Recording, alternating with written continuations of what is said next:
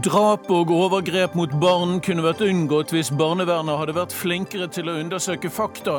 Ny rapport beskriver svikt og svik blant dem som er satt til å beskytte barn. Statoil driver med falsk reklame og prøver å blande seg inn i valgkampen, mener Miljøpartiet De Grønne. Vi forteller bare hvordan vi bidrar til lavere utslipp, svarer Statoil. Og kvinner nesten fraværende i toppstillinger i næringslivet viser at kvotering ikke fungerer, sier redaktør. Nei, det viser at kvotering er nødvendig, sier Ap.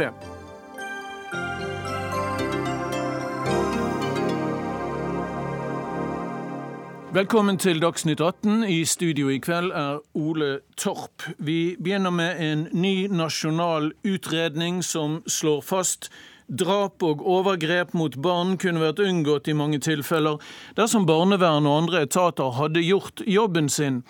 Utvalgets konklusjon er krystallklar. Barnevernet og det offentlige har for lite kompetanse og samarbeider for dårlig. Ann Kristin Olsen, velkommen hit. Du leder dette barnevold, barnevoldsutvalget. Dere har undersøkt 20 alvorlige saker. Drap, mishandling, overgrep. Hvorfor klarer ikke barnevernet å ta vare på barn i disse tilfellene? Barnevernet gjør på mange måter en strålende jobb. Men de alvorlige sakene som vi har fått i oppdrag å se på, der har det gått skikkelig galt. Og det er mangel på kompetanse og kunnskap, samarbeid på tvers. Og vi ser også at man snakker nesten ikke. Tjenestene snakker nesten aldri med ungene sjøl. Og vi ser også at tjenestene i altfor liten grad avdekker sakene. Det er alvorlige svikt. Mm. Er det det som har gjort sterkest inntrykk på deg i arbeidet med denne rapporten? Ja, det er egentlig det. At man snakker så lite med ungene, og at man i så liten grad klarer å avdekke. Det har, eh, det har vært forstemmende, rett og slett, å se. Rett og slett forstemmende. Um, du sier at uh, det er en mangel på kommunikasjon mellom etatene og barn selv. Vet du hva som er årsaken til det? Ja, Barna har jo ofte sammensatte problemer og utfordringer. Og så har vi jo organisert oss eh, i et sektorvis samfunn. Hvor det er eh, bl.a. taushetsplikten som skaper noen problemer på tvers. Man tolker taushetsplikten sin litt ulikt, og den er jo også litt forskjellig om man er helsearbeider eller om man jobber igjen i skolen f.eks. Så det er ett, en utfordring. Det er en utfordring. Eh, Mimmi Kvisvik er med oss, leder i Fellesorganisasjonen. Og Fellesorganisasjonen organiserer da flere av de gruppene som, eh, som skal ta seg av barn. Barnevernspedagoger, sosionomer osv. I denne rapporten kan vi lese Mimmi Kvisvik, at uh, om et tilfelle der barnevernet fikk 51, 51 bekymringsmeldinger om en, en enkelt familie i løpet av ti år, men man tok seg likevel ikke tid til å snakke med de det eh, angikk, altså barn. Hvordan er sånt mulig? Ja, Det syns jeg er et uh, utrolig godt uh, spørsmål. Hvordan er det uh, mulig? Det er derfor jeg stiller det. Og vi hører jo også at utvalgsleder gir noen svar på dette hvorfor. Og jeg hører nå at hvis jeg sier at det handler faktisk alt om, når vi snakker om barnevernet, om en tjeneste i skvis. Vi har jo hørt om svikt og svik i dag, men jeg vil også snakke om skvis. Og jeg tror at dette handler, eh, i tillegg til det utvalgslederen er inne på, så handler det faktisk talt om en tjeneste som ikke har tid til å jobbe så ordentlig som denne tjenesten eh, vet at man skulle, og som eh, de faktisk talt eh, ønsker. Jeg Så du tror at det er penger som er problemet? Jeg snakker med medlemmer nesten daglige eh, som beskriver at de hver eneste dag når de går hjem fra jobben sin i barnevernet, går hjem med dårlig samvittighet for de ikke har strukket til. Og hvor de har stått i situasjoner hvor de har måttet prioritere mellom en baby og en ungdom.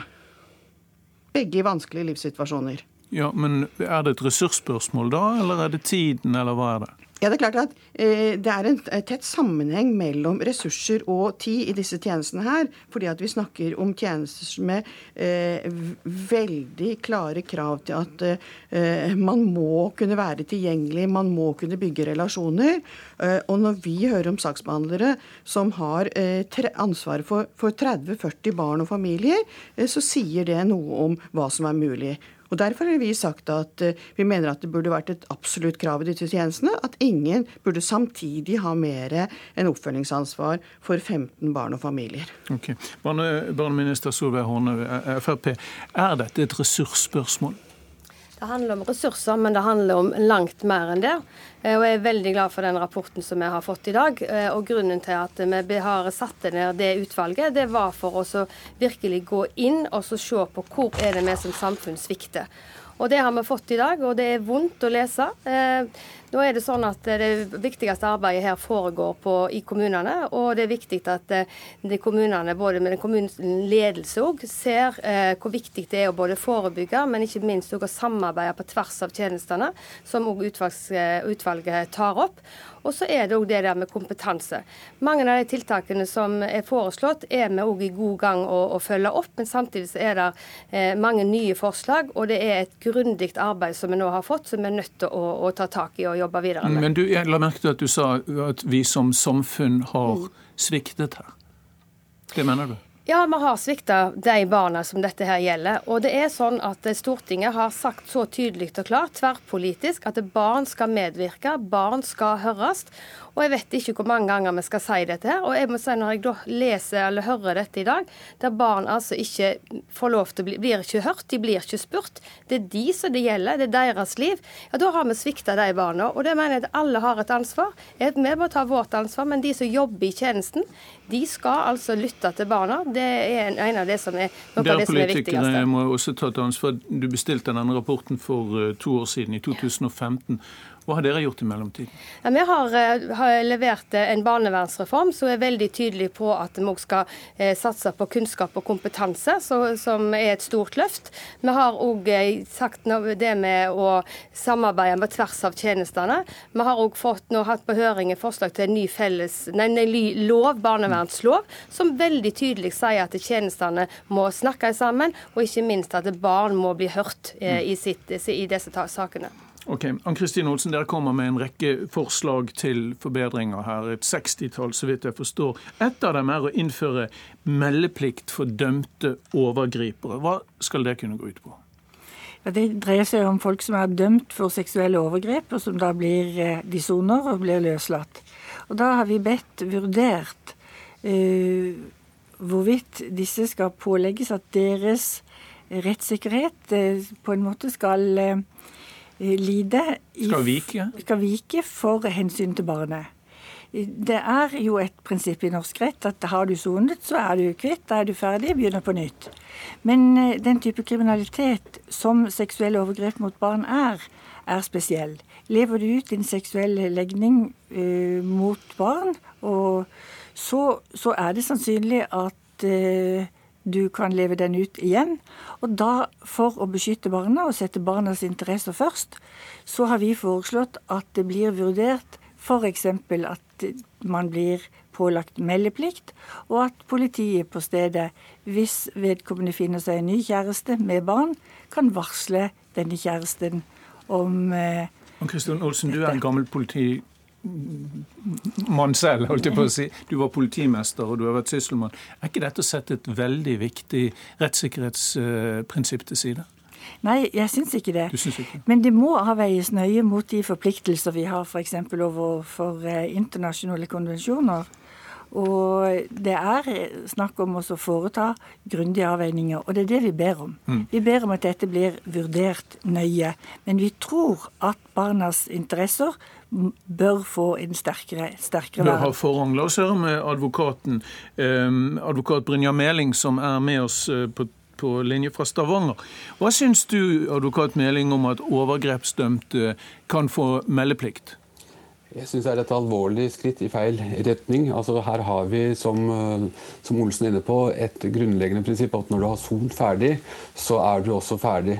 Og Det som Olsen må være vel kjent med, er jo at de som er dømt for slike saker, eh, og som har erkjent sin legning, og tilstått, de skal også gjennom et behandlingsopplegg gjennom fengselet. Eh, og Hvis man ikke har tro på det, eh, at man faktisk kan få hjelp, så syns jeg det er en fallitterklæring først og fremst til det systemet man da har. Og man skal ikke da gå på akkord med de prinsippene at når man har sonet ferdig, så, så er man faktisk ferdig med saken. Et viktig poeng her er at eh, de som løslates, bør eh, undergå en risikovurdering, en grundig mm. risikovurdering. Det skjer ikke nå. Og det tror jeg at det er erfaring da er, da er du inne i forvaringsinstituttet, og det er jo klart at det er jo er det de er dømt for, alvorlig nok så har man, allerede det, eh, har man allerede det redskapet i loven som du er ute etter. Da kan man dem forvaring, og da skal man vurdere dette ut fra farlighetsvurdering når de løslates. Så man trenger ikke noen ny lovendring på det. Men advokat Meling, vil ikke en generell meldeplikt i dette tilfellet rett og slett kunne forhindre nye overgrep? Det er vel det vi snakker om? Det er mye som kan forhindre nye overgrep. altså Man kan jo tatovere mennesker for å merke dem for livet. Ja, nå spør jeg om meldeplikten, ikke om tatoveringer. Meldeplikt kan selvsagt gjøre det, men man må ha, altså vi lever i et fritt samfunn. Vi har, eh, vi har et system hvor man skal være ferdig sont når man er ferdig sont, og man skal få lov å begynne på nytt. Eh, og man har allerede, dersom domstolen vurderer at dette er farlige mennesker, som, hvor det er gjentakelsesfare, så har man allerede forvaringsinstituttet som man, begynne, som man kan bruke. Så dette er ikke noe man trenger å gå lenger i for å stigmatisere en gruppe mennesker. Ok, Sove Horne, vær så god. Ja, vi har jo hatt eh, så mange eksempler eller i hvert fall flere, mange eksempler på at eh, overgripere som har sont ferdig, har begått nye overgrep. Og Når det gjelder å beskytte barn, så mener jeg at der skal vi snu enhver stein. Og, og, det er det viktigste. og Jeg syns det er spennende det forslaget som, som, utvalget her kommer med. Og så er Det sånn at det, det er ikke bare barnevernet som får kritikk i denne, i denne rapporten. Eh, vi har òg eh, andre tjenester, og, og regjeringen la fram en opptrappingsplan for første gang mot vold eh, i, mot, i nære relasjoner, spesielt fokus på barn. Der vi ligger over en halv milliard penger nå for i neste, nei, neste års, årets budsjett eh, for å følge opp eh, veldig mange av de tiltakene som ligger i rapporten som er kommet nå i dag. Ok, La oss høre på et annet forslag Ann Kristin Olsen, er å utvide muligheten så vidt jeg forstår, til å melde fra til barnevernet. Hvilken endring er det dere foreslår der? Det er visse tjenestepersoner nå som har en meldeplikt. Som har en plikt, som ja. det er i dag. Ja. Og den plikten har de hvis det dreier seg om mishandling eller alvorlig omsorgssvikt. Så er det mange ganger eh, at eh, tjenestepersoner, det kan være barnehageansatt, eh, mener at De kvier seg? Ja, de kvier seg. Mm. Og de, de, de, de, føler at de er i grenselandet. Det er ikke mishandling, det er ikke alvorlig omsorgssvikt, men de har en bekymring for at noe er galt i hjemmet. Og hvis de da melder fra, det kan være også helsepersonell, hvis de melder fra, så bryter de sin taushetsplikt. Og det er det vi foreslår, at man skal uh, la dem få anledning til å melde fra til barnevernet. Og det er ikke noe angiveri. Vi må få slutt på at man tenker angiveri hvis man melder til barnevernet. Men de skal få anledning til å melde fra om sin uro uten at de bryter sin taushetsplikt. La oss høre med advokat Meling. Eh, vi vet jo det, Brynjar Meling, at, eh, at, eh, dette har vært et stort problem. ikke sant? At mange barn har gått i ukevis og månedsvis og kanskje årevis i et mishandlingsregime, og omsorgspersoner har ikke meldt fra. Det har vært et stort problem. Men hva syns du om å nå gjøre det lettere? Gjøre det til en, en, en sterkere plikt å melde fra til barnevernet om disse tingene? Den adgangen man har i dag med den meldeplikten hvis man har en bekymring, den er allerede godt nok ivaretatt med det lovverket vi har nå. I, mener du, mener du den er det også i praksis, advokat Meling? I praksis er jeg redd for at vi har for mange bekymringsmeldinger istedenfor for få bekymringsmeldinger. For det er ikke slik at det er alltid til barnets beste å bli tatt under offentlig omsorg. Eh, bekymringsmeldinger blir ikke alltid godt nok forvaltet, og det, er, eh, og det blir truffet avgjørelser hvor barn blir flyttet ut av hjemmet på uriktig grunnlag fordi at noen har meldt fra for tidlig. Eh, så det er ikke slik at det er for få, for mange bekymrings, for få bekymringsmeldinger. Tvert imot, det kan være for mange bekymringsmeldinger sånn som det er i dag. Men vi har vel også Kristin Olsen, eh, hatt eksempler på det motsatte. At, at uh, helsepersonell og, barn, og, og skolevesen osv. ikke har gått verken til politi eller barnevern med relativt grusomme mistanker om omfattende overgrep. Ja, I de sakene vi undersøkte, så så vi flere eksempler på eh, alvorlige risikoforhold som barn levde under. Vi så eksempler på lovbrudd. Man hadde altså unnlatt å melde selv om man hadde plikt til å melde. Mm. Så jeg er fundamentalt uenig med advokaten i dette. Det er jo sånn at uh, Opplysningsplikten går foran taushetsplikten uh, og det å melde ifra. og der, Vi har nå regjeringen foreslått at uh, både skoler og barnehage skal få en plikt til å samarbeide på barnevernet. Så her er det mange forslag som vi er nødt til å ta tak i, og det blir et viktig arbeid å bekjempe vold og overgrep mot barn framover. Hva, hva syns Fellesorganisasjonens Mimmi Kvisvik om siste, dette siste forslaget? Eh, jeg syns det er helt greit at utvalget kommer med et forslag. Og for, forslaget er jo at det faktisk alt eh, skal bare utredes. Eh, og ha en åpenhet i forhold til en utredning. Det må vi alltid kunne ha. Men, men sånn at Vi har jo ikke tatt noe endelig stilling til det i, i, dag. Men det er klart at med meldeplikten sånn som den er i dag også, så kunne vi jo ha jobba mer med det. Eh, men, men det, som det, som foreslås her, er jo en tydeligere meldeplikt som kanskje vil begunstige barna i denne sammenhengen. Er du enig i det? Jo, men, Ja, det kan godt hende. Men utvalget sier jo ikke Jo, men Det er vel barna vi snakker om? Det blir jo, mye ja, om og men her. Ja, men Utvalget sier jo ikke at uh, det skal gjennomføres. De sier at vi vil gjerne at det utredes som sitt tiltak. Og en sånn utredning må vi jo kunne ha en åpenhet i forhold til før vi konkluderer om vi vil ha det eller ikke ha det. Da sier jeg takk til uh, Mimmi Kvisvik og til Ann-Kristin Olsen og uh, Solveig Horne. Dessuten Brynja Meling på linje fra Stavanger.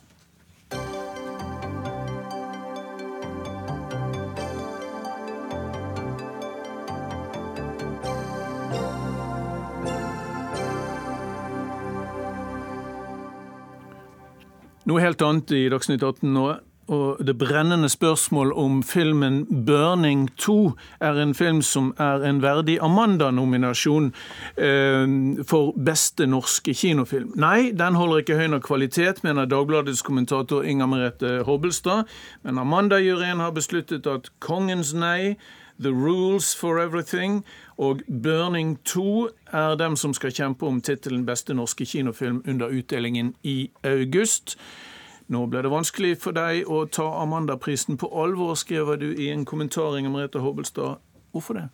Eh, fordi Amanda-prisen med dette er i ferd med å bli en ren markedsføringspris, eh, sånn jeg ser det. Altså Hvis du ser på 'Burning 2', det er en film som har trukket uhorvelig med folk, og all ære til filmen for det. Jeg er sikker på at de som har laget den er, ja, ja, Det er de sikkert uh, kjempefornøyde med. Men når vi snakker om en film som skal være årets beste kinofilm, så snakker man jo om en film som skal ha kvalitet i alle ledd. Det er det vel ganske få som mener at 'Burning 2' har.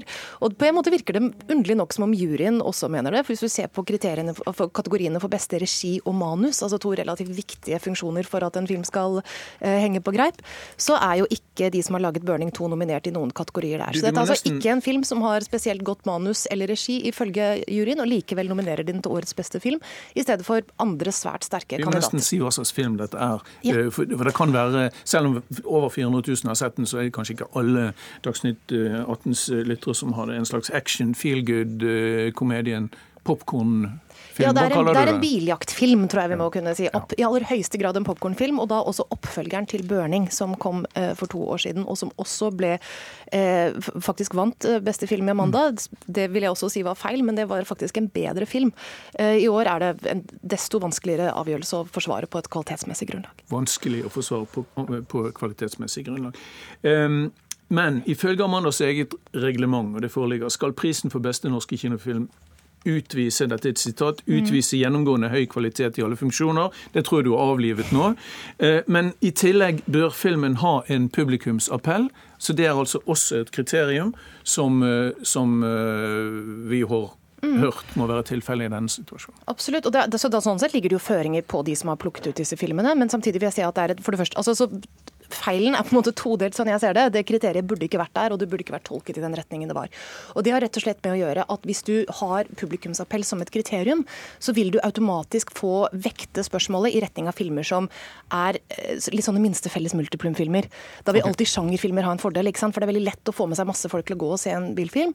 Samtidig så er det ikke sikkert som om alle de 100 000 som løste billetter til Burning 2 var likte filmen spesielt godt. Det fanger ikke et sånt kriterium inn.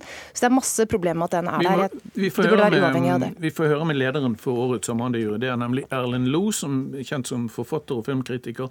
Hvorfor valgte dere å, å nominere 'Burning 2'? Du, da må jeg få begynne med å si at uh, Hobbelstad har rett og, og ikke rett. Dette kriteriet har vært et problem i mange år. Som har vært diskutert mye i bransjen og mislikt mye. Eh, både i bransjen og sikkert andre plasser. Så er det noe feil med reglene, da er det det du sier? Ja, det er kanskje det jeg sier. Fordi i år så har juryen som jeg da leder, bedrevet det som jeg vil kalle en slags sivil ulydighet. Så vi, eh, vi har diskutert oss fram til at så lenge den kategorien heter årets norske kinofilm, og ikke årets beste film, så velger vi å legge vekt på publikumsappellen. Og det som Hobbelstad er inne på, en imponerende ting i seg sjøl. Det er aldri enkelt å få hundretusener til å gå og se en film. Men det er selvfølgelig noe annet. Og vi hadde nominert helt andre, eh, enkelte andre, muligens filmer, hvis det hadde hett årets beste film. Så vi har valgt rett og slett å si greit, den kategorien den handler om at de filmene skal ha blitt sett. Og så er det andre kriterier som ligger til grunn, f.eks. i regi, manus osv. Men det, det, betyr at dere har sett bort fra første del av, av reglementet, da? Utvise gjennomgående høy kvalitet i alle funksjoner. Og, og heller lagt vekk på i tillegg bør filmen ha en publikumsappell. Ja, fordi, fordi det der er, og har lenge, vært en slags pakt med djevelen.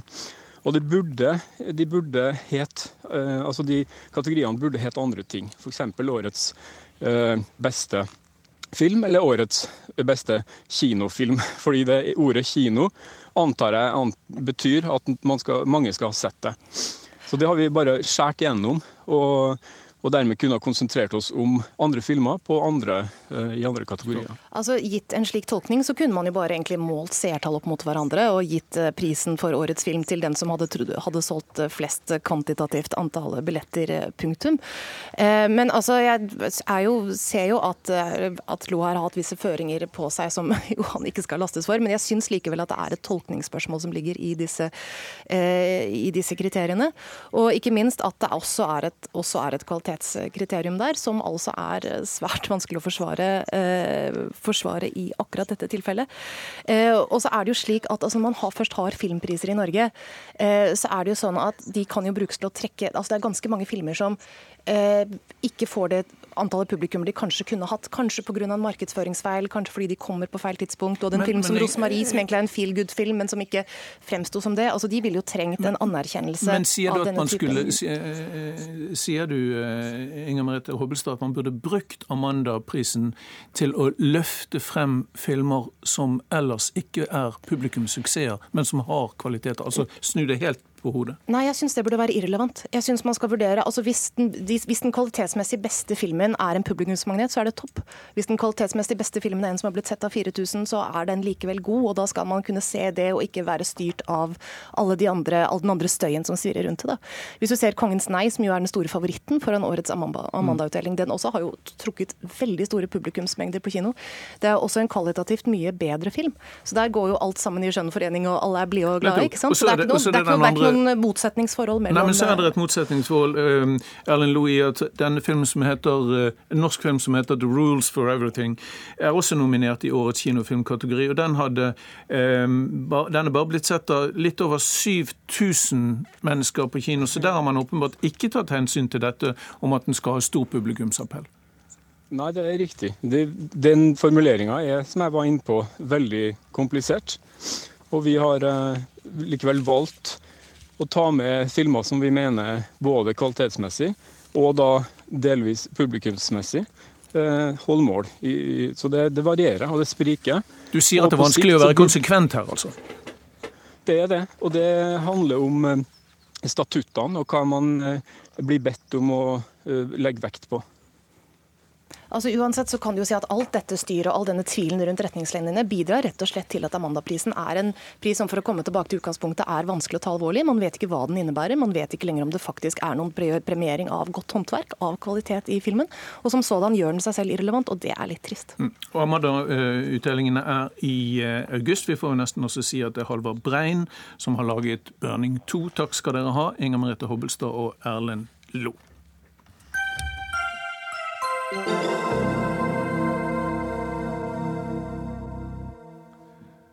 til eh, spørsmålet om eh, Norges eh, forsvarsevne.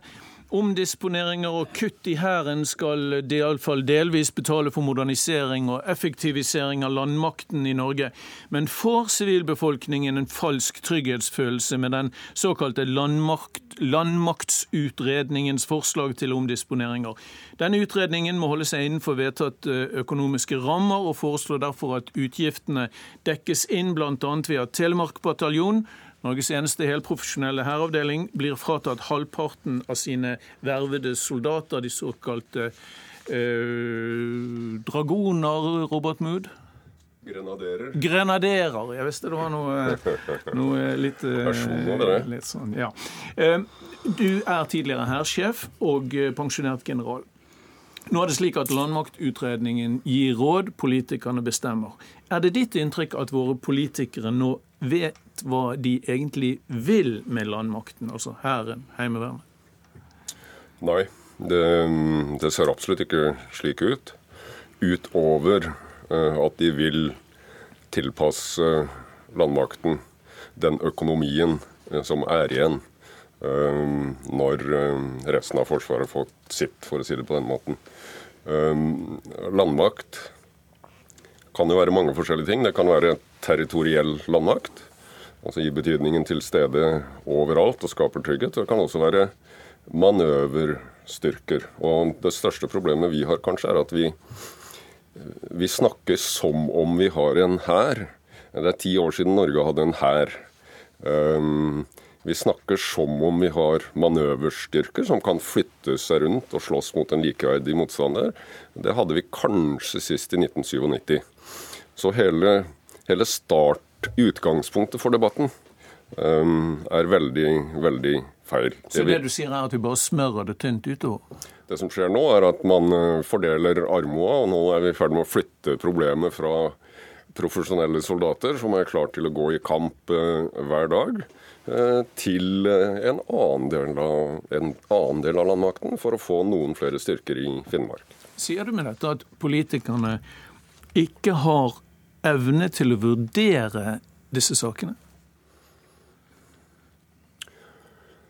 Iallfall så er det slik at man ikke vil innse den situasjonen vi er i. Hvilken situasjon er det? Um, da kan vi jo snakke om den enorme avstanden mellom eh, retorikk og hvordan det faktisk står til i Forsvaret. Eh, for man snakker om historisk satsing og det som kanskje er igjen av langtidsplanen, som om dagens problemer er løst.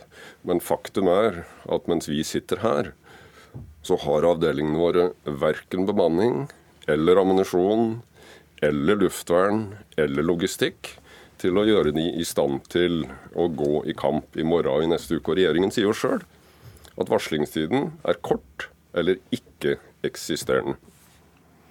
Du sier at rett, vi er rett og slett ikke bestykket til å gå i kamp i morgen, og hevde det er å kaste blår i øynene på folk. Ja, og hevde at det Forsvaret som kanskje er igjen av en langtidsplan, eh, løser dagens problemer, det er mer illusjoner enn realiteter. Det er så store operative svakheter, kritiske svakheter i Forsvaret i dag, at det er helt på grensa til moralsk uforsvarlig å si at vi har kort eller ingen varslingstid, og så være villig til å sette disse avdelingene i kamp med for dårlig bemanning, uten luftvern og med ammunisjon bare til første sammenstøt. Moralsk uforsvarlig? Ja. Hårek Elvenes, stortingsrepresentant eh, for Høyre og leder av det partiets forsvars- og beredskapsutvalg. Eh, moralsk uforsvarlig, sier eh, ekspertene. Ja, Først vil jeg jo si at uh, den hæren vi har i dag, er jo også general Mood sin hær. Han var jo sjef for hæren fram til 2009. Uh, nåværende forsvarssjef avdekket jo en situasjon i Forsvaret og i Hæren som ikke var tilfredsstillende. Uh, vi bestilte en landmaktutredning bl.a. fordi at det er så uh, varierende synspunkt fra fremtredende offiserer hvilken hær man skal ha i fremtiden. Eh, så tilbake til verva kontra vernepliktige. Eh, Utfordringa i dag er jo at dagens hær kunne operativt operativ tre til seks måneder i løpet av året. Årsaken til det er jo at veldig mange av stillingene i Hæren er spesialiststillinger som det trengs lang tid for å lære soldatene opp i. Eh, ved å gå over til flere opptak, så kan man nå få en hær som er operativ hele året. Men nå sa, nå sa general Mood at responstiden er en illusjon. Vi har ikke de styrker og den ammunisjon og det, det, den beskyttelsesartilleri og luftforsvar som skal til for å ha en reaksjonstid på null timer. Eh, og, og Mood har jo rett i dette. Eh, responstida for Hæren er for lang i dag. Men nettopp gjennom det grepet så vil man få en hær som får vesentlig kortere eh, responstid og kan være operativ hele året. Hvor lang tid, Problemet... tror, du, hvor lang tid tror du det går før, før Hæren vil være operativ på null timer? Dette er jo en tretrinnsrakett. Først må man sette den hæren man har i dag, i stand. Eh, sørge for at materiellet er brukbart, eh, skaffe reservedeler og sørge for at man har beredskapsbeholdninger. Det er man allerede i gang med. Eh, hæren vil øve mer nå, og så vil man investere mer i Hæren de neste fire årene. Allerede i de kommende fire årene så ligger det inne fire milliarder i investeringer til Hæren. Hvor lang tid, Hårek Elvenes? I løpet av denne første perioden av langtidsplanen, de første tre til fire årene, så vil vi se en hær som er vesentlig mer eh, operativ enn i dag. Bl.a. gjennom det grepet man gjør, at man har færre grenaderer og flere vernepliktige. Og Jeg tør jo minne Mod på om det at han sa jo som sjef for Hæren Altså, Så om fem år, da er vi er vi klare til å motstå et større angrep? Jeg skal ikke sitere og si et eksakt tidspunkt når til Hæren har en vesentlig Men et estimat har du kanskje? Ja, det ligger inne. altså eh, Forsterkning og oppbygging av Hæren er jo en prioritert oppgave, og det gjøres jo allerede betydelige grep i dag, for å si det slik. Ja, det så i løpet av to, to, to, år, to til tre år til så vil vi ha en hær som er vesentlig okay. eh, mer operativ enn i dag. La oss høre med Mod. Hva tror du, general Mod? To til tre år? Hvis jeg nå husker riktig, så kommer um, luftvernet Nå er vi i 2017. Luftvernet kommer vel i 2021-2022, og så skal det trenes altså, og gjøres klart. Så, og det er det første som kommer um, av de større prosjektene. Så jeg er helt overbevist om at uh, hæren, uh, en kampklar hær med kort eller ingen varslingstid, det har vi ikke før om 10-15 eh, år. 10-15 år? år. Så er det et stykke mellom dere her i, i tidsberegningene. Hvor ja, bekymringsfullt er det, general Mood? Det er jo interessant at, eh, at Hårek Elvenes sier um, Eller beveger seg rundt fem år. For regjeringen har jo da altså sjøl lagt til grunn kort eller ingen varslingstid. Det betyr at alle våre avdelinger må være klare til å gå i kamp i morgen, neste uke, neste måned og neste år. Og det er ingen trøst for disse soldatene som vi er villige til å sende ut med for dårlig bemanning og for dårlig utstyr uten luftvern og ikke nok ammunisjon til mer enn første sammenstøt, at dette kanskje er i orden om fem år. Så hvorvidt fem eller ti år er det riktig, det er ikke veldig prinsipielt stort forskjell på. Nå er det jo allerede bestilt nytt luftvern. Eh, men jeg vil spørre Mood. Det er jo et faktum at denne regjeringa har økt forsvarsbudsjettet med 20% Det skal brukes 54 milliarder på Hæren i løpet av eh, planperioden. Eh, og man har fått et klart råd fra forsvarssjefen. Hva vil Mood ha gjort annerledes? Jeg hører ofte at Robert Mood er ute og kritiserer, men det er vanskelig å få tak i alternativet. Du kritiserer jo også i dag den hæren som du egentlig fullroste når du sjøl var sjef for Hæren. Hvilken innretning vil du ha hatt på dette hvis du fortsatt var hærsjef? Det er jo ingen motsetning i det som sies her i det hele tatt. Allerede for ti år siden så lette vi etter en annen innretning av Hæren. Og hvis Elvenes ønsker å vite hva jeg sa som hærsjef, så kan han lese det foredraget jeg holdt i Oslo Militære Samfunn i 2008, hvor jeg sier at Hæren er i beste fall i stand til å forsvare en bydel i Oslo, og beskrev en innsetting som på grensa til et kollektivt selvmord. Um, så jeg har mine ord godt i behold fra altså den gangen jeg var i aktiv tjeneste. Det som legges fram nå, det er jo historisk uh, på tre måter. Det er helt riktig at det gir en kompensasjon for den ekstra kostnadsøkningen, og det skal man ha honnør for. Men det er også historisk fordi at det er et tøffere effektiviseringskrav enn vi noen gang tidligere har sett. Og til det jeg nevnte innledningsvis, at avstanden mellom retorikk og Forsvarets avdelinger, den operative tilstanden i dag, er større enn noen gang. Eh, det er det vi må ta tak i. Og her har, er jeg helt enig med Elvenes, selvfølgelig har jeg et ansvar. Generalene og admiralene har ansvar for de råd de har gitt, og de råd de ikke har gitt. Og det er et tverrpolitisk ansvar at vi er der vi er. Men vi har et moralsk ansvar overfor våre unge kvinner og menn, vernepliktige og grenaderer, å sørge for at de er klar til strid hver dag. Og at vi samtidig tenker på Forsvaret gjennom en langtidsplan. Dette moralske ansvaret er jeg helt enig med det, og det er det man tar på alvor. Forsvaret har jo vært eh, gjennom en betydelig nedbygging, og nå er den nedbygginga snudd fra nedbygging til oppbygging. Det legges altså 180 milliarder mer i den langtidsplanen enn den som var den gjeldende langtidsplanen. Eh, og jeg skal gi deg rett, Mud. Din kritikk av dagens hær, som du tidligere forsvarte, er i grunn berettiget. Og det er jo det også landmaktutredningen viser. Den viser f.eks. at de stridsvognsavdelingene vi har i dag, sannsynligvis er for tung for fremtiden. Det har jo du også påpekt. Det viser at det faktisk har vært behov for å ta en fot i bakken og utrede hvilken hær man skal ha i fremtiden. Spesielt sett på bakgrunn av at så mange offiserer har så mange forskjellige oppfatninger om dette, og til dels opererer som litt privatpraktiserende forsvarssjefer for tiden privatpraktiserende forsvarssjefer, den var til deg, Mod. Eh, du skal få siste stor her. Eh, det er stor interesse for, eh, for forsvarssaker, og mange unge melder seg til, til tjeneste. Mange vil inn i, i de væpnede styrkene. Men etter det du sier her, så snakker du nesten om et heroisk selvmord.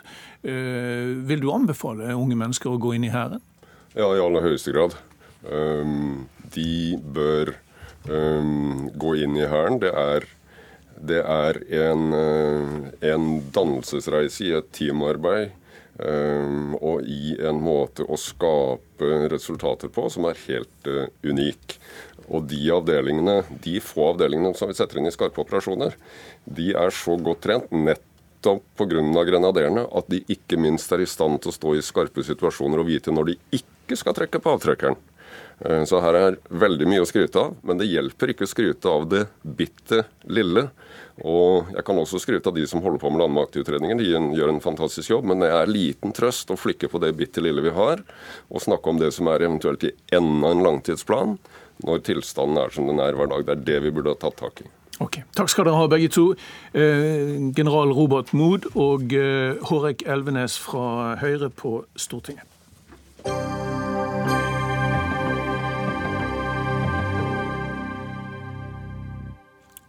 Så til Statoil, som beskyldes for å eh, blande seg inn i valgkampen med falsk reklame. Det er i hvert fall det Miljøpartiet De Grønne hevder. Selskapet må slutte med dette, mener partiet.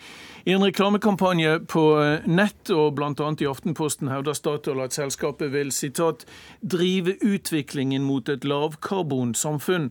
Det får rødlampene til å lyse hos Miljøpartiet De Grønne, skriver Nettavisen nå. Arild Hemstad, Hermstad, som er førstekandidat for Miljøpartiet De Grønne i Hordaland. Hva er det særlig du reagerer på? Altså Denne reklamen her fikk meg til å tenne på alle pluggene. Fordi de fremstiller seg sjøl som et selskap som driver med vindmøller. De viser bilder av barn, av byer og havet. Og de viser da på 16 sider ingen biler av det de faktisk holder på med. Og det de faktisk holder på med, er olje og gass. Og de har en politisk lobbykampanje for å få lov til å fortsette og lete etter olje i Arktis, utenfor Lofoten og Vesterålen og Senja. Og det gjør de, selv om de utmerket godt vet at dette her kommer til å gi mer klimagassutslipp enn det som kloden vår tåler.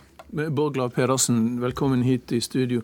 Informasjonsdirektør i, i Statoil. Er det ikke litt pussig at eh, utslippsgiganten Statoil skal drive utvikling mot lavkarbonsamfunnet? Nei, nettopp eh, kjempeviktig at vi er med på den utviklinga. Vi vet jo at det er store endringer som er nødvendige for å klare å realisere lavutslippssamfunnet. Og jeg må si at jeg holdt nesten på å ramle av stolen altså, da jeg så at Rasmund Hansson hadde sammenligna vår kampanje med eh, annonsering for barnepornografi. Og det At en stortingsrepresentant kan få seg til å si noe sånt, om det som er Norges største næring, sysselsetter 200 000 mennesker, verdiskapning langs hele kysten, enorm betydning for velferden. Men hva er det egentlig dere prøver å kommunisere?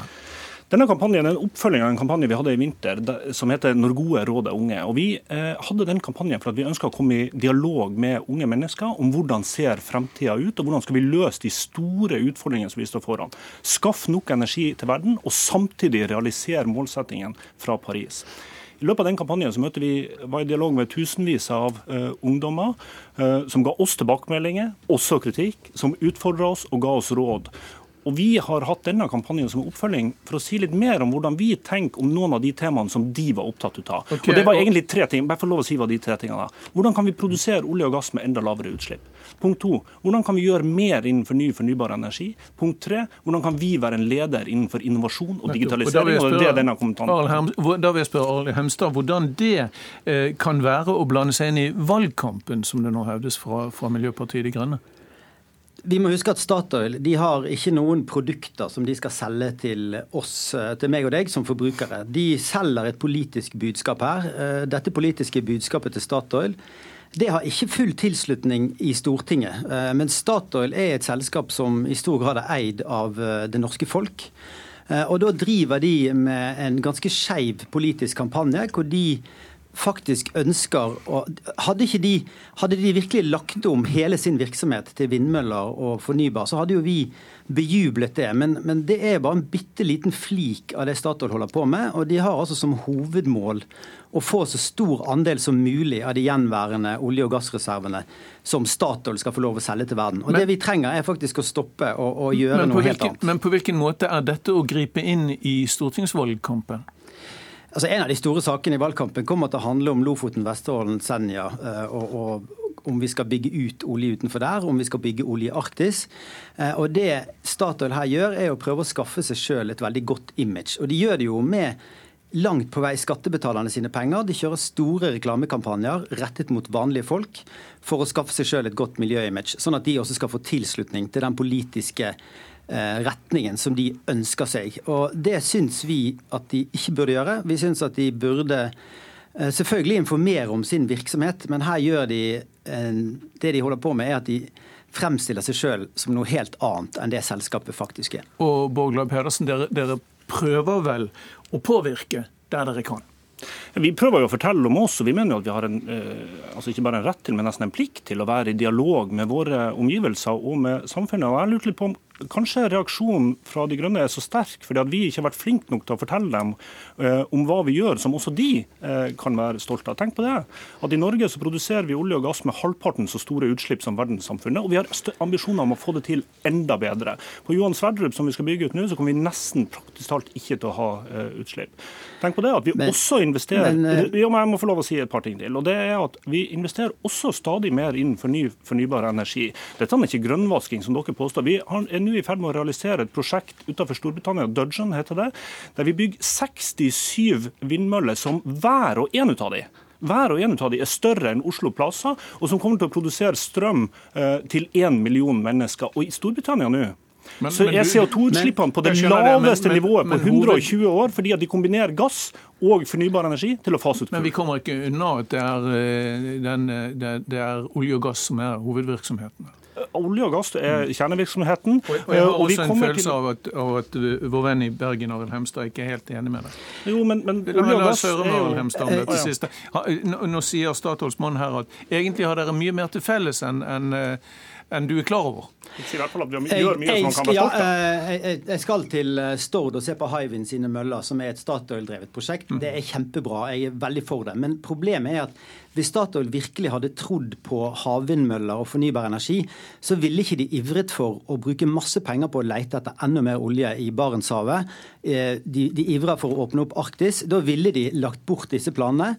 Fortsatt med å utvinne olje så lav, med så lave utslipp som mulig på de feltene som er i drift. Men det er jo denne iveren etter å forlenge oljealderen så lenge som mulig, som det står faktisk i motstrid til de klimamålene som Norge har, selv om Statoil prøver å fremstille det som noe annet i en reklame. Så det, okay. Man kan på en måte ikke ha en reklame og prøve å forandre virkeligheten som Statoil er nødt til å ta inn over seg. Jeg tror vi har, jeg tror vi har, jeg tror vi har bildet. Takk skal dere ha, begge to. Borglad Pedersen, informasjonsdirektør i Statoil, her i studio i Oslo, Arild Hermstad, førstekandidat for Miljøpartiet De Grønne fra Hordaland ved årets stortingsvalg.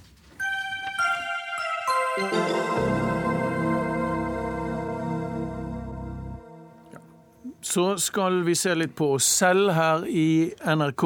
NRK fyller ikke rollen som allmennkringkaster og overser Norges multikulturelle befolkning, mener filmskaperen Ulrik Imtias Rolfsen.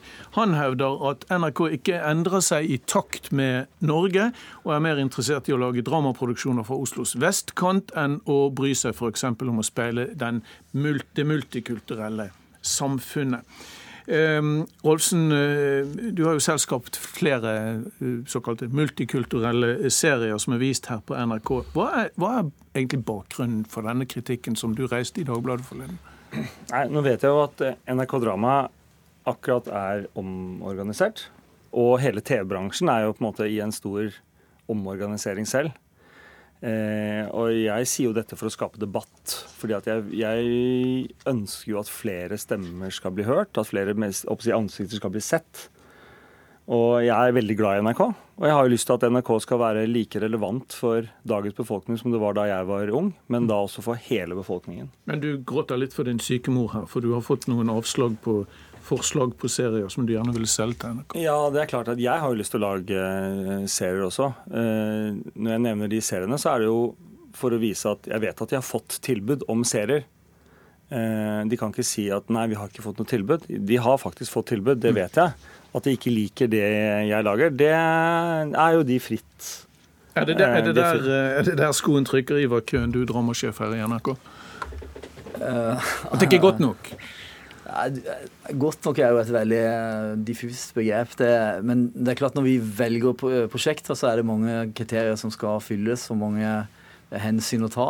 Men tar du til deg kritikken? fra... Ja, eh, absolutt. altså Jeg tar til meg kritikken. Jeg syns det er veldig relevant at, at Ulrik eh, kommer med dette. og og, si, og påpeker det at vi må være, vi må være flinke til å, til å, speile befolkninga. Og det er jo en del av den strategien som vi har. Både, ja. Norge er liksom ikke blendahvitt lenger. Nei, det er jo ikke det. Og det er jo ikke, så det er ikke det er jo, eh, kan ikke si det, det er, det er ikke sjokkerende, liksom, revolusjonerende, det han sier. Uh, vi er veldig opptatt av det. Norge er ikke blenda hvitt. Det er moderne, vi er et moderne land. Vi har en moderne befolkning som består av mange kulturer. og det er klart at skal vi lage moderne drama, så må vi speile den befolkninga. Mm, men, men Ulrik uh, Imtias Rolfsen mener altså tydeligvis at NRK ikke klarer å speile uh, det komplette norske samfunnet, iallfall ikke nå. Det er ingen produksjoner i gang, det er ikke planlagt noen produksjoner, så vidt jeg forstår. Eller er det det? Det er jo produksjoner i gang i NRK med flerkulturell uh, Men ikke slike dramaserier? Men ikke, ikke, hos oss i dramaavdelinga akkurat nå. Men vi har flere prosjekter som vi har under utvikling. Og så er det jo to måter å Eller hvis vi tenker at det, det, det, er to ting som er viktige. Det ene er jo selvfølgelig det at vi har et innhold uh, som er relevant uh, for den flerkulturelle befolkninga. Og at det speiler det i historier. Men det er også viktig at vi i de seriene som vi lager, uansett hvilken, hvilken tematikk det har, speiler på en måte den visuelle eh, flerkulturelle befolkninga. Altså mm. viser at, det, at Norge Men Vi gjorde jo dette for noen år siden her i NRK, og Ulrik, laget, Ulrik Imtias Rolsen laget jo en spennende serie, en krim, uh, som gikk an å lage spillefilmer omkring disse temaene også. Er det sånn at man i NRK bare lager én ting av gangen? At nå har vi, nå har vi liksom gjort uh, de multikulturelle seriene, så nå gjør vi noe annet? Nei, nei, det er ikke sånn. Men det, det er klart, hvis vi lager vi lager nok én serie gangen. Det er sjelden vi lager mange serier og mange sesonger uh, av samme serie uh, etter hverandre. Det, det, er det nok, og, og, og, det er ikke så ofte vi har uh, gjort.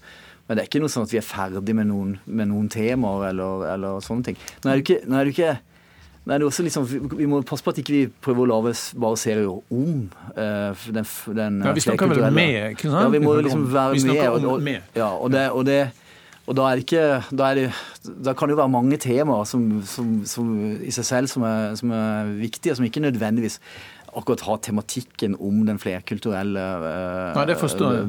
Det forstår jeg. Uh, Ulrik Imtias Roksen, du har jobbet bl.a. for BBC nå, en, er med på en serie der. Hvor det er, to, uh, hvor det er to regissører, så vidt jeg mhm. forstår. Mm um, er britene Kanskje unødvendig å spørre, for britene kan vel mer om, eh, om eh, sine gamle imperier eh, og, og, og, og, kulturen der, men er britene mer bevisst på dette? Er BBC mer på, proaktive? Ja, det vil jeg si. Det er jo en, en, en prat som pågår over hele verden. Både USA og, og England og egentlig alle nasjoner som er multikulturelle. som har en, si, en gammel ledende klasse av, av hvite mennesker mm. som, som står overfor en, et samfunns, en samfunnsendring, så er det den diskusjonen. Men det er absolutt en, en endring i England, og det er mye prat om det. Det som, det som skjer, er jo det at eh, hvis man ser seg selv på TV, eller man ser noe som ligner på seg selv på TV, så føler man en stolthet. Man føler at man er noe. Og motsatt, hvis man ikke ser noen som ligner på seg selv, så er det lett å føle at man ikke er noe. Og da finner man andre helter. Og da er det lett å finne helter, kanskje i ekstremisme eller i, i gjengvirksomhet eller sånn. Og det er viktig at NRK tar dette ansvaret. Det er ikke sånn at man lever i en liten boble om vi lager bare TV. Du mener at man skaper et slags utenforskap ved ikke å, å ta slik serier? Ja, ikke bare et slags, men jeg mener at man faktisk skaper et, et helt konkret utenforskap. Og at NRK har et veldig stort ansvar for å skape inkludering ved at folk også ser positive helter Eh, ser seg selv på alle mulige måter, at de er noe. Ja, for, for, eh, for uh, Ivar Køhn, det er vel ikke bare i nyheter at man skal se uh, flere sjatteringer av, av, nordmenn. Også drama og, og underholdning må jo ta dette alvorlig. Ja, absolutt. Og, og, jeg, og jeg, er helt vi enig med Ulrik der, og, og, vi er jo også inspirert av måter som BBC jobber på. Og, vi tenker nok det at vi skal Eh, sørge for og se for at vi fyller eh, roller og statistroller og, og eh, bilder da, mm. med en flerkulturell hverdag. Kom denne kritikken overraskende på deg? Nei, det kom, for, for, At det kom fra Ulrik, var kanskje ikke, var ikke overraskende. Men eh, nei, det, eh, vi, vi jobber, det, er noe, det, er jo ikke et nytt tema. Vi jobber med det i NRK. Men det er bra å bli minnet om det. Absolutt. Veldig glad for det. Ok, Takk skal dere ha, Ulrik Imtias Rolfsen, filmregissør Ivar Køhn, som er dramasjef her i NRK.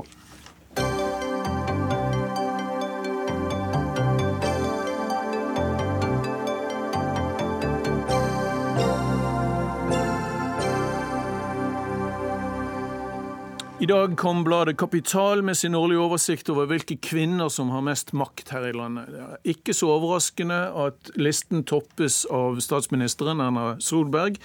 Men i toppsjiktet glimrer kvinner i næringslivet nesten totalt med sitt fravær. Et tragisk bilde på likestillingen her i landet, mener redaktøren i Kapital. Og det er deg, Vibeke Holt. Velkommen. Du må fortelle oss litt mer detaljert om dette. Hvordan, hvordan ser, jeg, jeg, venter ikke at du drar hele listen, men, men gi oss et riss for de som ikke har rukket å løpe i kiosken ennå. Ja. Det vi ser er jo, Hvis du tar de 30 største selskapene i Norge, så vil du se at ingen av de har kvinnelig norsk konsernsjef. Hvis du ser på børsen, eh, så de 50 største selskapene der, så har det i løpet av de åtte siste årene blitt rekruttert 50 nye toppsjefer. Kun to av de har vært kvinner. Ser du også på Kapitals liste over Norges 400 rikeste, som i stor grad er en oversikt over hvem som har makt og eierskap i norsk næringsliv, så er det kun én kvinne som har bygget formuen sin selv. Og da på vår liste over Norges mektigste kvinner, så er det masse politikere på topp. Og det er bra. Jeg vil jo si at det er et godt kjennetegn på et godt demokrati. Eh, mange kvinner i offentlig forvaltning. Eh, der er det eh, likestilling, ser det ut til å være, både i politikk og offentlig forvaltning. Men altså i næringslivet står det elendig til. Og første eh, kvinne fra næringslivet på vår liste over Norges 100 mektigste er da på en 17. plass. Hvem er det?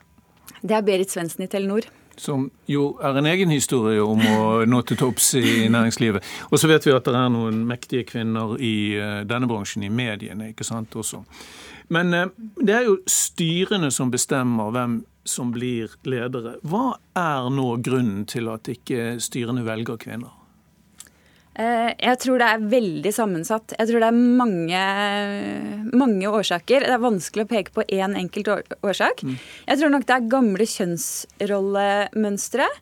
Eh, kjønnsstereotypier. Hvis du lukker øynene og skal tenke på en konsernsjef, så tror jeg du ser for deg en mann i dress og slips. Eh, en del kvinner har en double burden, dvs. Si de har ekstra ansvar for barn og kanskje gamle, byrde, rett og slett. Ja. Mm, gamle foreldre. Eh, og det gjør at de kanskje også verdsetter fritid annerledes. Eh, jeg tror det har noe å si med svangerskapspermisjon. Eh, og også kanskje ofte medias fremstilling av kvinner. Eh, man ser ikke ofte og mange eksempler på dyktige kvinner som blir fremmet i Som blir fremmet i næringslivet. Anniken Huitfeldt eh, fra Ap, du leder Aps kvinnenettverk ved siden av stortingsrepresentant. Dette er tall som er veldig dårlige i et likestillingsperspektiv, og det ser ikke ut som det beveger seg i det hele tatt fra år til år. Kanskje Nå kommer et spørsmål til deg, da. I politikken så har kvinner ikke vært naive. For at Hvis man skal ha en reell konkurranse om en posisjon, så er det jo ofte sånn at man velger den som ligner på seg selv. Og en mann som har pos- posisjon, kanskje velger en som ligner på seg selv. Kanskje har en del kvinner i næringslivet vært litt sånn anti-likestilling og tenkt at det, ja, det er jo reell konkurranse. Jeg vil ikke kvotere selv ansettes fordi jeg er en, en kvinne. Og så går det noen år, og så ser man at denne konkurransen er ikke reell. Det er ikke den vi- dyktigste som at, kommer fram. så du mener at man må rett og slett ha mer kvotering? Ja, ikke på alle områder, men på noen områder så er det det eneste som virker. Fordi at konkurransen er jo ikke reell. For det å være dyktig, det er jo ikke et objektivt kriterium. Og dyktighet i næringslivet nå, da mener jeg at menn får et fortrinn automatisk. Fordi at de har ofte ledere som ser på dem som nesten som seg selv, og så får de et fortrinn. På tross av at det kanskje er jenter som er mye flinkere enn dem. Så i dag så er det jo flere jenter som går på de utdannelsene som gjør at de kan bli sjefer, men de når allikevel ikke frem. Men uh, er ikke positiv særbehandling eller kvotering et, uh, et middel? Nei. Og det har vi jo sett med den eh, kvoteringsloven til Ansgar Gabrielsen. Den har jo ikke hatt noen effekt i næringslivet, bortsett fra at man har klart å fylle opp ASA-styrer med 40% knapt. Eh, så det, det er det eneste man har fått ut av den, og den har jo virket nå vel i omtrent 15 år. Eh, dessuten, ved å kvotere og på en måte diskriminere menn som kanskje da er bedre og ikke får komme inn i styret, så vil det virke urettferdig. Og det vil jo også underbygge myten om kvinner som det svake kjønn som må ha særfordeler for å komme frem. Som må ha hjelp og, og positiv særbehandling. Ja. Dette må jo være et poeng, ja. Anniken Huitfeldt, Altså, at det, det har ikke virket. Altså, Myten om det svake kjønn ved kvotering, det mener jeg er helt galt. Altså, Gro Harlem Brundtland ble kvotert inn i regjeringen første gang hun kom inn. Eh, Hun har jo bevist at eh, det var en måte å få dyktige kvinner frem. Og slik mener jeg det også Men er i det, næringslivet. er, det, er det overførbart å bruke det, den politiske erfaringen til næringslivet? Ikke helt. Fordi at man kan gjøre det på styrenivå. jeg hører et nei nå når du sier ikke helt. Ikke helt. Fordi at når du skal ha en, et, en leder i et konsern, så kan du ikke si at her har jeg tre, tre konserner, og så skal det være 50 Så du kan jo ikke på toppledernivå si at her skal staten i sine selskaper alltid ha 50% men de kan arbeide for det. Og så er det jo to former for, for kvotering. da. Det ene er det man kaller for radikal kjønnskvotering, hvor det skal være 40% uansett.